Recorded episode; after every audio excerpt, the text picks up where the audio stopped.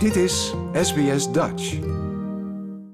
Er is een record aantal toegangskaartjes verkocht voor de wedstrijden voor het komende WK voetbal voor vrouwen in Australië en Nieuw-Zeeland.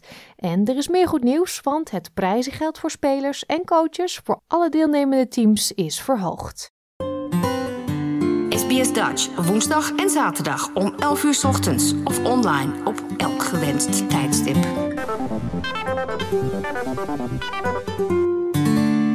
Over ruim een maand gaat het WK vrouwenvoetbal van start en dat wordt dit jaar gespeeld in Australië en Nieuw-Zeeland. Dat heeft u vast wel gehoord. Voetbalfans in Sydney hadden afgelopen weekend de kans om dichtbij de WK-beker te komen. It's awesome. We have the best experience. We were the first to see it. See it, to yeah. open it. To open it, yeah. It's pretty good experience. Yeah, it was fun. It was fun because like we got the chance to open it and be the first one to oh, look at it. Het bezoek in West Sydney is onderdeel van de speciale Trophy Tour, die deze laatste weken voor aanvang van het toernooi door Australië en Nieuw-Zeeland gaat. Het vooruitzicht om Matilda Spitz Sam Kerr in eigen land te zien spelen maakt veel los. Sam Kerr. She's gonna slay. Slay! Yes, yeah, actually yes. It's so exciting anyway. Dit wereldkampioenschap is hard op weg om het meest bezochte standalone vrouwensportevenement ooit te worden. De FIFA heeft bekendgemaakt dat er meer dan 1 miljoen tickets zijn verkocht en dat is een record.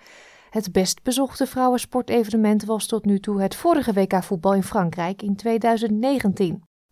Voormalig Matilda's coach Alan Stajic heeft in de afgelopen twee decennia het Australische vrouwenvoetbal zien groeien en hij hoopt dat de populariteit blijft doorgroeien. We all always aspired to that. Uh, we wanted it to be a game changer, and, and hopefully it is a game changer for football in general. Uh, Australian football's been in a little bit of a lull over the last two or three years, so hopefully this, you know, the performances of the Socceroos in recent times, the performances of the Mariners, particularly in the A League, and hopefully the Women's World Cup gives it, you know, a bit of a jolt and you know a bit of a shot to the system, and hopefully we can, you know, progress and keep building from here. Dit jaar heeft trainer Stajic het Filipijnse nationale team onder zijn hoede, dat zich voor het eerst kwalificeerde voor het WK.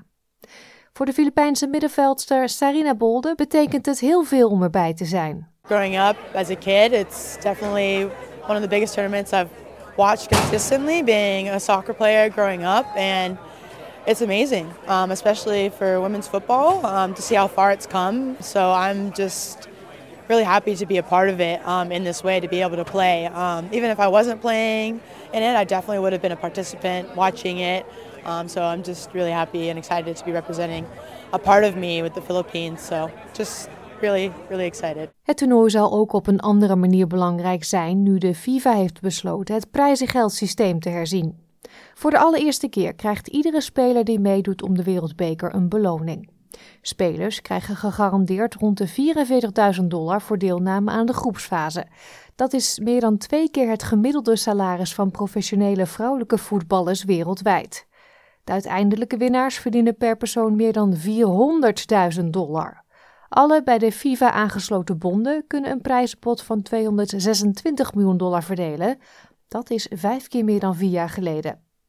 Volgens coach Tajik verdienen de vrouwelijke spelers de hogere vergoeding. It's just really important for the players to be acknowledged and recognised uh, for the efforts they put in, and we know that the training and the effort they put in is the same as as men, and obviously they need to start generating that kind of excitement and, and revenue around the game as well, and that's the responsibility of everyone around all of football and and female players and everyone around the game. But ultimately, the bigger the game, you know, the bigger the prize pool will be for everyone, and the, and the bigger the pie will be that we can split across all the different areas of football for development for elite players. And football clubs all around the world. So it's a really great initiative from FIFA. They should be applauded for it. And I know that you know a lot of associations and players around the world, especially in developing countries, will benefit the most. De nieuwe prijzenpot verbleek nog steeds bij de 656 miljoen dollar die vorig jaar op het herentoernooi werd verdeeld. Sarina Bolden zegt dat de bedragen al lang gelijk getrokken hadden moeten worden. It's paramount, I think, to continue to grow the game. Obviously, money is a big factor, um, and just being a woman footballer as is, um, we don't make that much to our male con- counterparts. So to see FIFA, you know, at least starting on the biggest tournament in the world, compensating us, um, is a great start, and I hope we continue to grow that. De Wereldcup doet nog meer plekken in Australië aan. Ga voor een compleet overzicht met data naar onze website www.sbs.com.au/dutch. Dit was een verhaal van Naveen Razik en Kira Hein voor SBS Nieuws, door SBS Dutch vertaald in het Nederlands. Like, deel, geef je reactie. Volg SBS Dutch op Facebook.